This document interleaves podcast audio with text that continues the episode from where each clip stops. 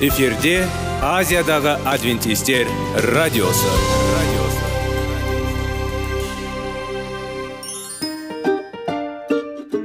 Сәлем достар. Денсаулық өмір бұлағы және біздің бірінші байлығымыз демекші денсаулық сағаты рубрикасына қош келдіңіздер. Біздің рубрикада біз әртүрлі факторларменен мәліметтерменен кеңестерменен бөлісіп шын жүректен сіздердің дендеріңіз сау болғанын қалаймыз.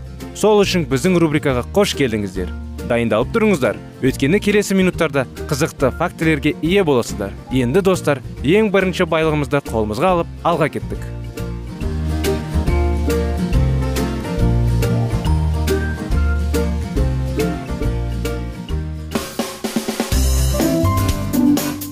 Денсаулық туралы хабар. Денсаулықтың ашылуы. Күн сайын сөз үшін күшті кеңестер соңғы жаңалықтар қызықты факторлар. Біздің рубрикада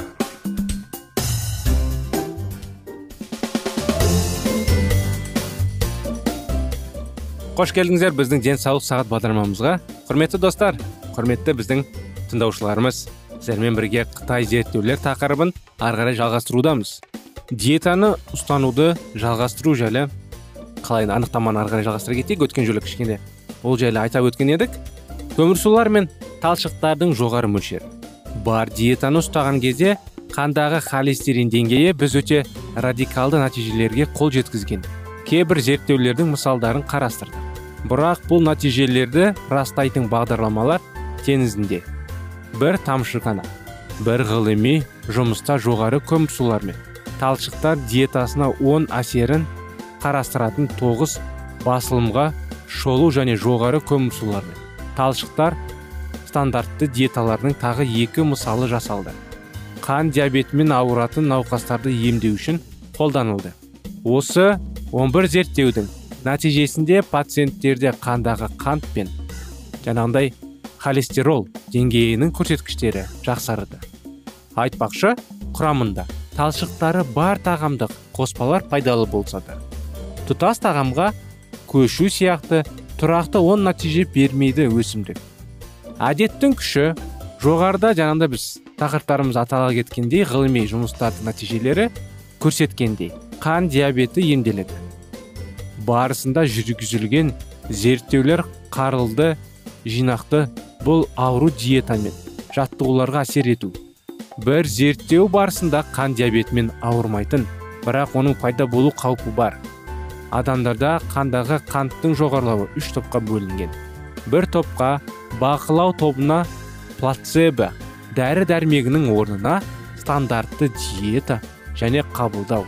Ешқандай нәтиже бермейді. Екінші топқа стандарттың диета және метформин препараты ал үшіншісіне өмір салтының түбегейлі өзгеруі. Оның ішінде май мөлшері аз қалыпты диета және салмағының кем дегенде жеті пайызға төмендеу үшін. Жаттығулар курсы тағайындалды үш жылдан кейін үшінші топта қан диабетінің пайда болу жағдайлары бірінші бақылауға қарағанда 58 пайыз аз байқалды. Дәрісті қабылдаған топта аурудың пайда болу жағдайларының саны 31 пайызға кем болды. Бақылау тобымен салыстырғанда емдеудің екі әдісі де тиімді болды. Бірақ өмір салтының өзгертуі дәрі қабылдаудан гөрі тиімді және қауіпсіз әдіс болып шықты. Сонымен қатар өмір салтын өзгерту препаратты қабылдаудан айырмашылығы денсаулықтың басқа да мәселелерін шешуге оң әсер етуі мүмкін.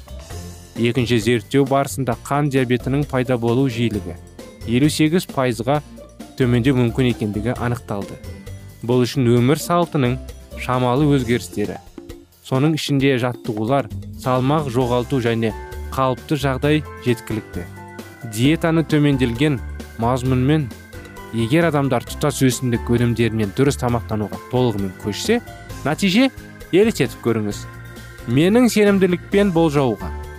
Бұл барлық дәрілік жағдайларда дерлік туындаған қан диабетінің болар еді тосқауыл қойылған өкінішке орай дұрыс емес ақпарат пен әдеттер денсаулығымызға зиян тигізеді. Ыстық ходоктар гамбургерлер мен фри картоп жеу әдеті бізді өлтіреді. Тіпті көптеген пациенттерді емдеуде маңызды нәтижелері қол жеткізген джеймс андерсон екі жаңағыдай вегетариандық диетаны ұстануды талап етеді. Дұрыс тамақтану бойынша ұсыныстарға қатысты алдын ала ескертулерден басталған жоқ. Ол былай деп жазады. Ең дұрысы калориялардың 70 пайызы көмірсулармен қамтамасыз етілетін және күніне 70 грамм талшықты қабылдауды қамтамасыз ететін диеталар қан диабетімен ауыратын науқастардың денсаулығына үлкен пайда әкеледі алайда бұл диеталарды күніне жеті жаңағыдай бірден екі он ет тұтынуға рұқсат етіледі. Бұл олардың көптеген адамдар үшін үйде қолдануға жарамсыз етеді. Неліктен профессор андерсон керемет ғылым. Мұндай диетаны жарамсыз деп атайды. Осылайша осы жолдарды оқығандар мұндай тамақтануға көшу мүмкіндігін қарастырмайды. Иә әрине сіздің өмір салтыңызды өзгерту іс жүзінде мүмкін емес. Болып көрінуі мүмкін. Ет пен майлы тағамнан бас тарту мүмкін емес болып көрінуі мүмкін. Бірақ салмағы 159 килограмм. Және осы тараудың басында айтылған қыз сияқты 15 жасында екінші типті қан диабетімен ауыратынын қызықты дәрі дәрмектермен де хирургиялық әдістермен де емдеуге болмайтын созылмалы аурудың болуы практикалық ма екен? Жүрек тамыр аурулары инсульт соқырлық және аяқ қол ампутациясының пайда болуына әкелетін ауру. Сізге өмір бойы күнделікті инсулин инъекциясы қажет болуы мүмкін ауру. Тамақтанудың түбегейлі өзгеруі мүмкін емес болып көрінуі мүмкін. Бірақ бұл әлі де қажет болуы мүмкін. Мінекей осындай анықтамамен біз сіздермен бірге тоғызыншы тарауды келесі жолы өтеміз. А қазір сегізінші тарауға келдік. Онкологиялық аурулардың кең таралған түрлері жайлы. Сүт безі қуық асты безі тоқ ішек тоқ және тік ішек обыры. Менің мансабымның едәуір бөлігі қатерлі ісік ауруымен байланысты болды. Менің зертханадағы жұмысымның қатерлі ісігінің бірнеше түрін соның ішіндегі бауыр сүт және ұйқы безінің қатерлі ісігінің зерттеуге бағытталған. Және қытай зерттеулері кезінде алынған ең әсерлі мәліметтер осы аурумен байланысты. Мен бүкіл өмірімді арнаған бұл жұмыс үшін 1988 жылы американдық қатерлі ісік ауруын зерттеу институты маған зерттеу жетістіктері үшін сыйлық берді. Осындай зерттеулер анықтамалары осындай мәліметтер достар біздің бағдарламамызда. Өкінішке орай бүгінгі уақытымыз аяғына келді. Келесі бағдарламада тақырыбымыздың жалғасымен сегізінші тараудың жалғасымен сіздерді күтеміз. Келесі бағдарламаға дейін сау болыңыздар.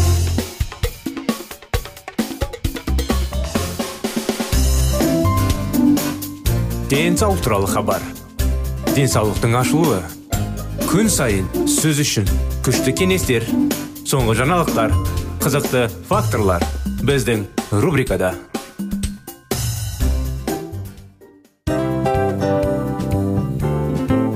Әуелі байлық денсаулық екінші байлық он саулық үшінші байлық ақ жаулық. Ал енді осындай радио парақшадан кейін не дейміз? Барлықтарыңызға денсаулықтарыңыз зор болсын деп тілейміз. Денсаулықтың өзгеруі кішкентай нәрселерден басталады. Осымен біз берген кеңестер мен мәліметтер шын жүректен сіздер үшін қандай да бір болсын жәрдем берді деп үміттенеміз. Тыңдаушыларымызбен келесі радио парақшасына дейін қоштассамыз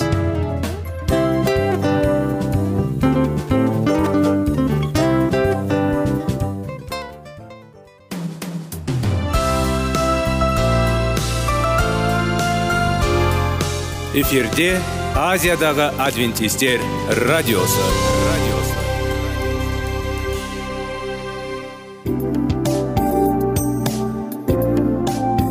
Сәлем достар. Барлықтарыңызға шын жүректен сөйлесек рубрикасына қош келдіңіздер деп айтпақшымыз. Шын жүректен сөйлесек бағдарламасы әртүрлі қызықты тақырыптарға арналған.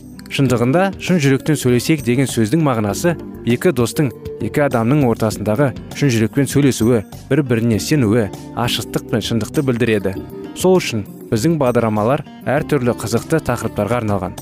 Дайындалыңыз жаңа қызықты мәліметтерге ие болуға. Ондай болса кеттік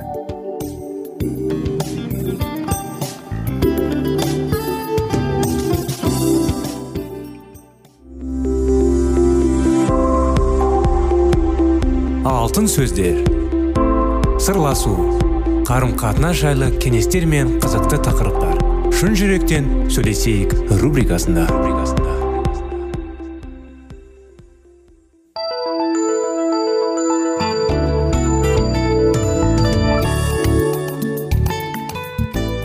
Сәлеметсіздер ме? Армысыздар құрметті достар құрметті радио тыңдаушыларымыз сіздермен бірге шын жүректен сөйлесейік бағдарламасы. Сіздермен бірге әрдайым қарым қатынас тәрбие достық шынайы махаббат жайлы сияқты тақырыптарды зерттеп көтереміз әңгімелеп. Қазіргі уақыттарда сіздермен бірге керемет 25 неке оқиғаларын өтіп жүрміз. Біздің осы тақырып жайында сөз қозғауымыздың себебі әйеліңіздің бағаламай оны төмендету қалайтыныңызды айтайын деп отырған жоқпыз. Керісінше осы сұраққа назарсыз қалдыруыңызды қаламаймыз. Еркек пен әйел құдайға рухани жағынан ұқсас жаратылып күйеуі өз әйелін қастерлегенде көктегі әкенің абыройын төгеді. Әуел баста жаратқан е адамның жалғыз болғаны жақсы болмас деді ол оған әйелін жаратып сол мәселені шешті. Әйел бұл еркекке арналған екінші жартылас емес. Құдайдың жауабы болып табылады. Сізге құдайдың адам ретінде өз әйеліңізге сүйіспеншілік көрсетіп оған қызмет етіп қамқорлық жасау арқылы осы адасқан адамзат баласына құдайдың жүрегін ашатын болыңыз.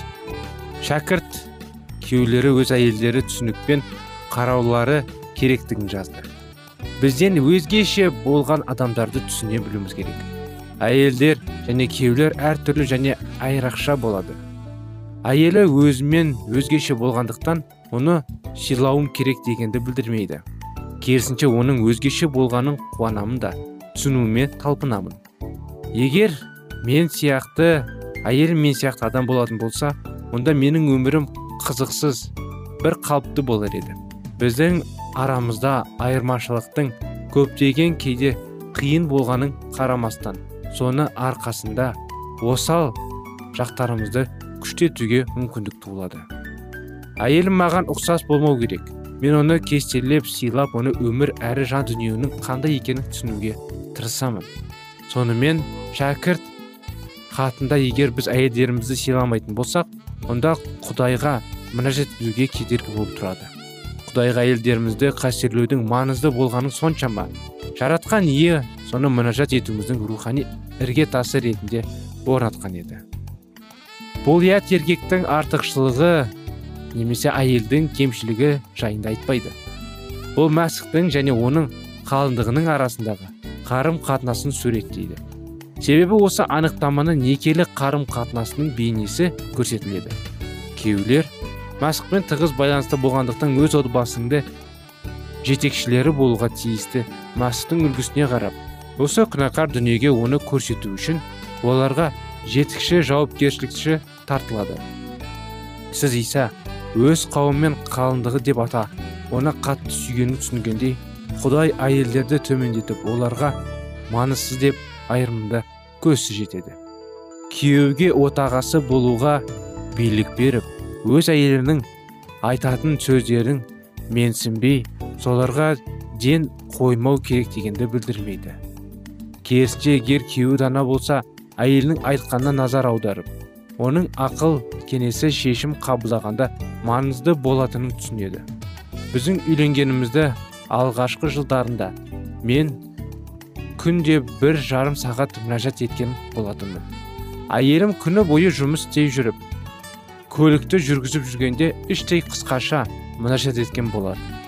Біздің пікіріміз бір жерден шықпағанда мен өзімнің көп мінәжат еткеніме бола от қағысына ретінде билік берілгендіктен өзімнің шешімімді қабылдап жиі қателесетінмін шешім қабылдағанымның жартысын өз бетімен қабылдағаннан кейін әйелімнің айтқаның дұрыс болған екендігін біліп түсіне болатынмын шындығын айтқанда одан менің көңілім жиі қалыпты. Мен іштей былай ойлап өзім көп нәжат етсем де оның пікірі неге әрқашан дұрыс болатынын түсінбей отырмын дедім. Бір күні мен құдай мәжет етіп мен бір ал енді сағаттан көп немесе таңертең біраз уақыт бойы мінәжат етемін. Ал әйелім жуынатын бөлмеде шайынып нәбері жаңағындай өзіне уақыт бөлетін қана сыйынсаң да оныкі әрқашанда дұрыс болады екен. Неге деді құдай маған шеңберді сызып ал енді де осындай мысалдар деп көрсетті. Өз отбасында еркектің жаңағындай рөлінің үстем болмауы тиісті екендігін қайталап айтамыз. Үстемділік құраудың жетішілігі етуді елуде түрде айырмашылығы бар. Сол уақытта үстемділік ешқандай жаңағындай қалыпсыз өз дегенін талап еткен кезде жетекшілік ету таңдау мәртебесін қоса қамтиды. Соның себебінен үйде құдайдың қорқатын жетекші болудың жолы биліктен ұстану жолында ие болудың түсінуін жатыр мәсіхтің сөздерін есімізге алайық. Бірақ сендерге ондай болмасын. Керісінше ең ұлыларын ең кішілеріндей басшылық ететіндерін қызмет көрсетушілеріндей болсын. Күйеуі отағасы болып қызмет етуге тиіс дейді. Еркек сол үшін әйел барлығында істеуге тиісті болатын қожайын емес. Ол жетекші болып бәрін жұбайымен бірге істеуге тиіс. Шын мәнінде егер ол ақылды өз әйеліне сенетін бөлек ештеңе алмаймын дейтін болында мен ай, қалай енді күйеуімнің маған мен саған мұқтажмын деген сөздерін қатты ұнатамын. Мен қатты жігерленіп оның қалғанын барлығын істегім келеді. Егер мен барлығын істей алатын әйелдің қандай болу білмесем онда мен бар күшімді салып осындай әйел болуға тырысамын ол маған өте маңызды адам ретінде қарағанда. Өзімді күшті сезіне бастаймын да жанарып келемін. Мінекей құрметті достар әрине бір бірлеріңізге назар аударуыңыз керек. Бір біріңді әрдайым бағалап бір біріңізді іздеп жүріңіздер сонда қарым қатынастар тығыз болып бір біріңізді әрдайым сағынатын боласыздар. Осы анықтамамен бүгінгі күндегі бағдарламамызды аяғына келіп тоқтатамыз. Уақытым шамалы болған соң сіздерді келесі бағдарламада күтіп келесі жолға дейін сіздерге сау саламат болыңыздар дейміз.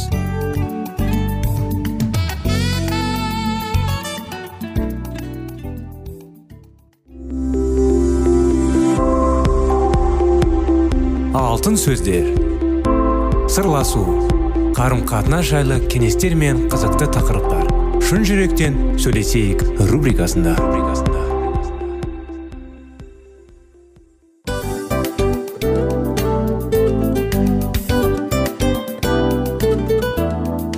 Құрметті достар барлық ең соңғы кеңестер аяқталған соң біздің программамыз соңына келіп қалды. Осы біздің мәліметтер осы рубрикада айтылған әрбір сөздер сіздерге өзінің қандай да бір пайдасын алып келді деп шын жүректен сенеміз. Және бұдан да көптеген рубрикаларымыз бар. Басқа рубрикаларымызда біздің зерттеулерімізде сіздер үшін тағы да қызықты мәліметтер дайын. Біздің шын жүректен сөйлесейік парақшамызда көптеген әдістер ең соңғы кеңестер адамның нравственность жақтан моральдық жақтан тазалап байыта тұрған соңғы кеңестердің барлығын жанарады. сондықтан алдыңғы күндерде бізбен бірге болыңыздар. Өйткені барлық қызықтар алдыда. Бізбенен бірге болғандарыңызға үлкен рахмет. Келесі кездескенімізше сау сәлемет болыңыздар.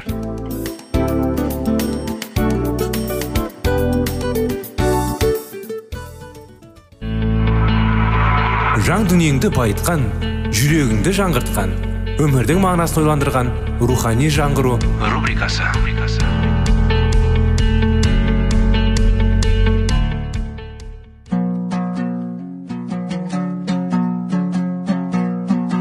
Ассалаумағалейкум біздің тыңдаушыларымыз. Келі кітаптың шындығын ашып берген қысқа бағдарламасына қош келдіңіздер.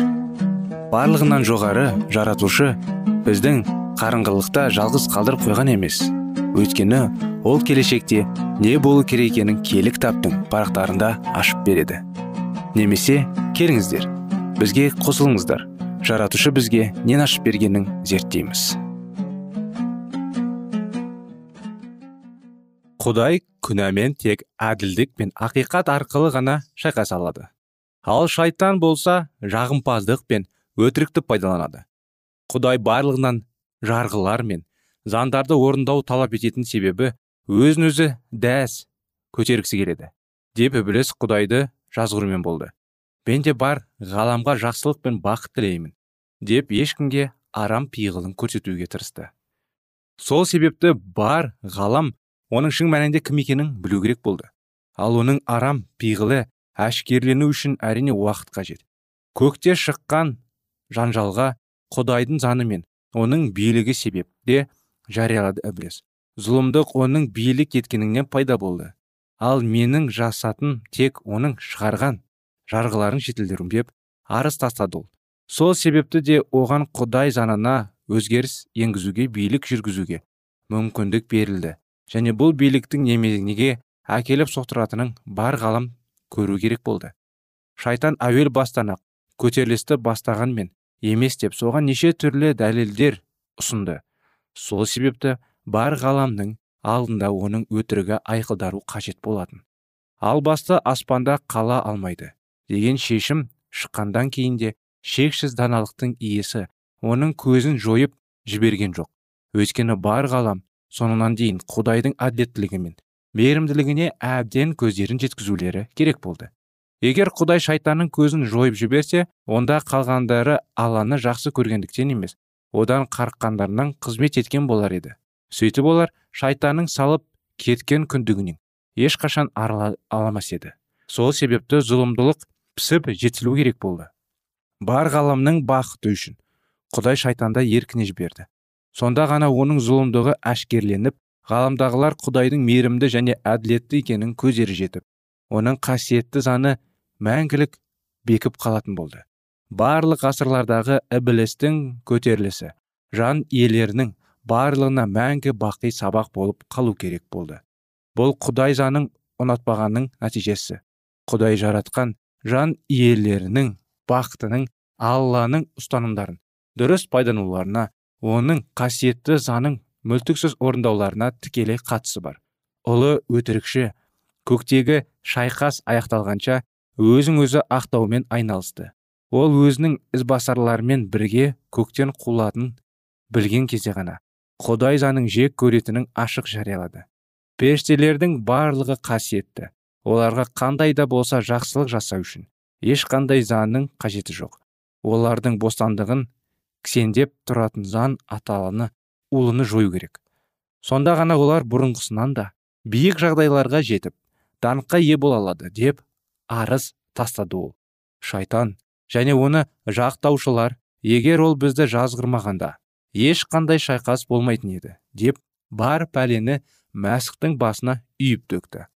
Ақыры құдайдың басшылығына қарсы шыға тұра соған қарамастан өздерін кінәсіз деп жариялаған ібіліс және оның жақтаушыларын аспаннан қуылды.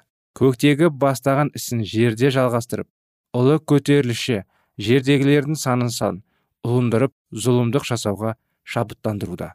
Ол періштелерді азғырған тәсілдерін адамдарды азғырған кезінде де пайдаланды. Мұнда да ол құдай заңын орындамайтындарға бостандық беруге уәде етеді. Кінәсін бетіне басқан кезінде ашуланатын жандар шайтанның рухымен қаруланып алғандар. Қателіктерін түзеткеннің орнына олар керісінше оны байқағандарға қарсы шығады. Әділетті әбілден бастап осы заманға дейінгі кінәлілер кінәсін ешке әшкерлейтіндерді жек көреді. Шайтан адамдарға құдайды қатыгез жауыз қылып көрсетіп олардың күнә жасауға итермелейді. Бұл жағынан дегеннен жеткені ібіліс құдайдың әділетсіз талаптары адамдарды құлдаруға дейін жеткізді деп әлі күнге дейін жариялауда. Бірақ жаратқан иеміз өзін болмысын бізге.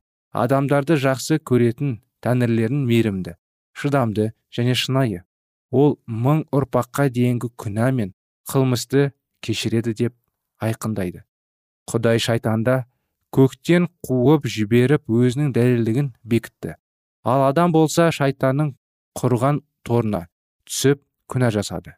Күнәға батқан адамзат баласын қайтадан тазартып алып шығу үшін құдай өзін рухани ұлына құрбандыққа қиды. Осылайша алла өзін адамзат баласына танытты. Ібілістің таңдаған жолының құдайдың билігіне еш қатысы жоқ. Мұның көрнекті дәлелі айқыш ағаш құтқарушының жер бетіндегі қызметі кезінде әзәзіл онымен шайқасам деп өзін әзі әшкерледі. Әлемнің құтқарушына қарсы қатыге шайқаспен шыққан ібіліс көрген бар ғалам тұрғындары мен періштелер одан бір жола түсінілді.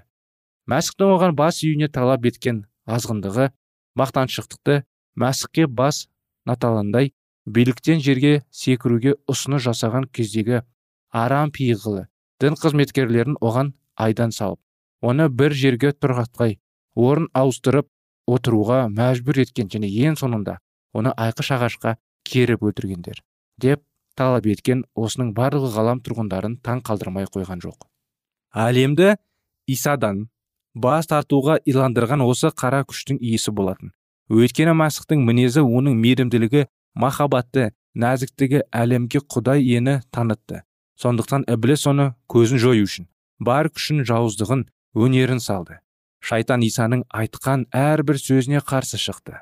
Оның өмірін қасіретке толтыру үшін адамдарды өзінің қаруы ретінде пайдаланып оған айтап салып отырды. Осының барлығы тамырын тереңге жіберген кектің нәтижесі болатын. Барлық аспан үнсіздікке шомып маңдай төбенің үстінде құдайдың рухани ұлын күншілдіктің зұлымдықтың көкжекшіліктің және кекшіліктің жалыны шарпытып жатқаның жандары түршіге отырып бақылады.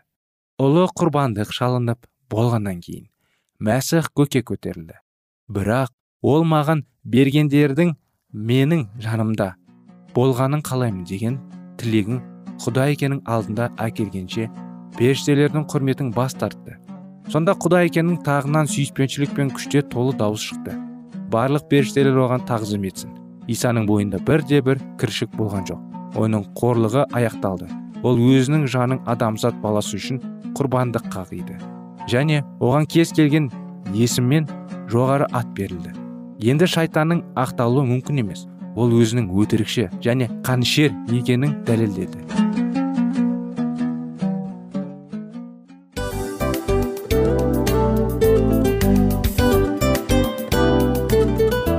Мынау осы уақыт тез өтіп кетеді екен. Біздің бүгінгі рубрикалардың аяғына да келіп жеттік. Ақпаратымызды парақшамызды қазір ғана бастаған сияқты едік. Соңында да келіп қалдық. Уақыт деген тегі білінбей өтіп кетеді екен. Бүгінгі 24 сағаттың алтындай жарты сағатын бізге бөліп арнаған үшін рахмет. Егерде өткен сфераларда пайдалы кеңес алған болсаңыз біз өзіміздің мақсатқа жеткеніміз. Кеңестерді қолданам десеңіз өзгерістерді кішкентай қадамдардан бастап іске асыра беріңіздер де жасағандарыңыз үлкен үлкен жетістіктерге жете берсін. Шын жүректен әрбір берілген кеңестер сөздер сіздерге пайдасын әкеледі деп сенеміз. Сіздермен бірге кездесулерімізді сөзсіз түрде асыға күтеміз. Сәтті күн тілеп сіздер менің ұзаққа қоштаспай келесі кездескенімізше тек қана сау саламатты болыңыздар дейміз. Достар біздің бағдарлама бойынша сұрақтарыңыз болса әрине сіздерге керекті анықтама керек болса біздің whatsapp нөмірімізге хабарлассаңыздар болады. Плюс бір үш жүз бір жеті жүз алпыс алпыс жетпіс. Иә достар сіздер қателеспедіңіздер бұл біздің номерлерге ұқсас болмаса да бұл whatsapp номер арнайы. Хабарласыңыздар сұрақтарыңызды қойып тұрыңыздар. Анықтаманы алып тұрыңыздар. Плюс бір үш жүз бір жеті жүз алпыс алпыс жетпіс whatsapp номері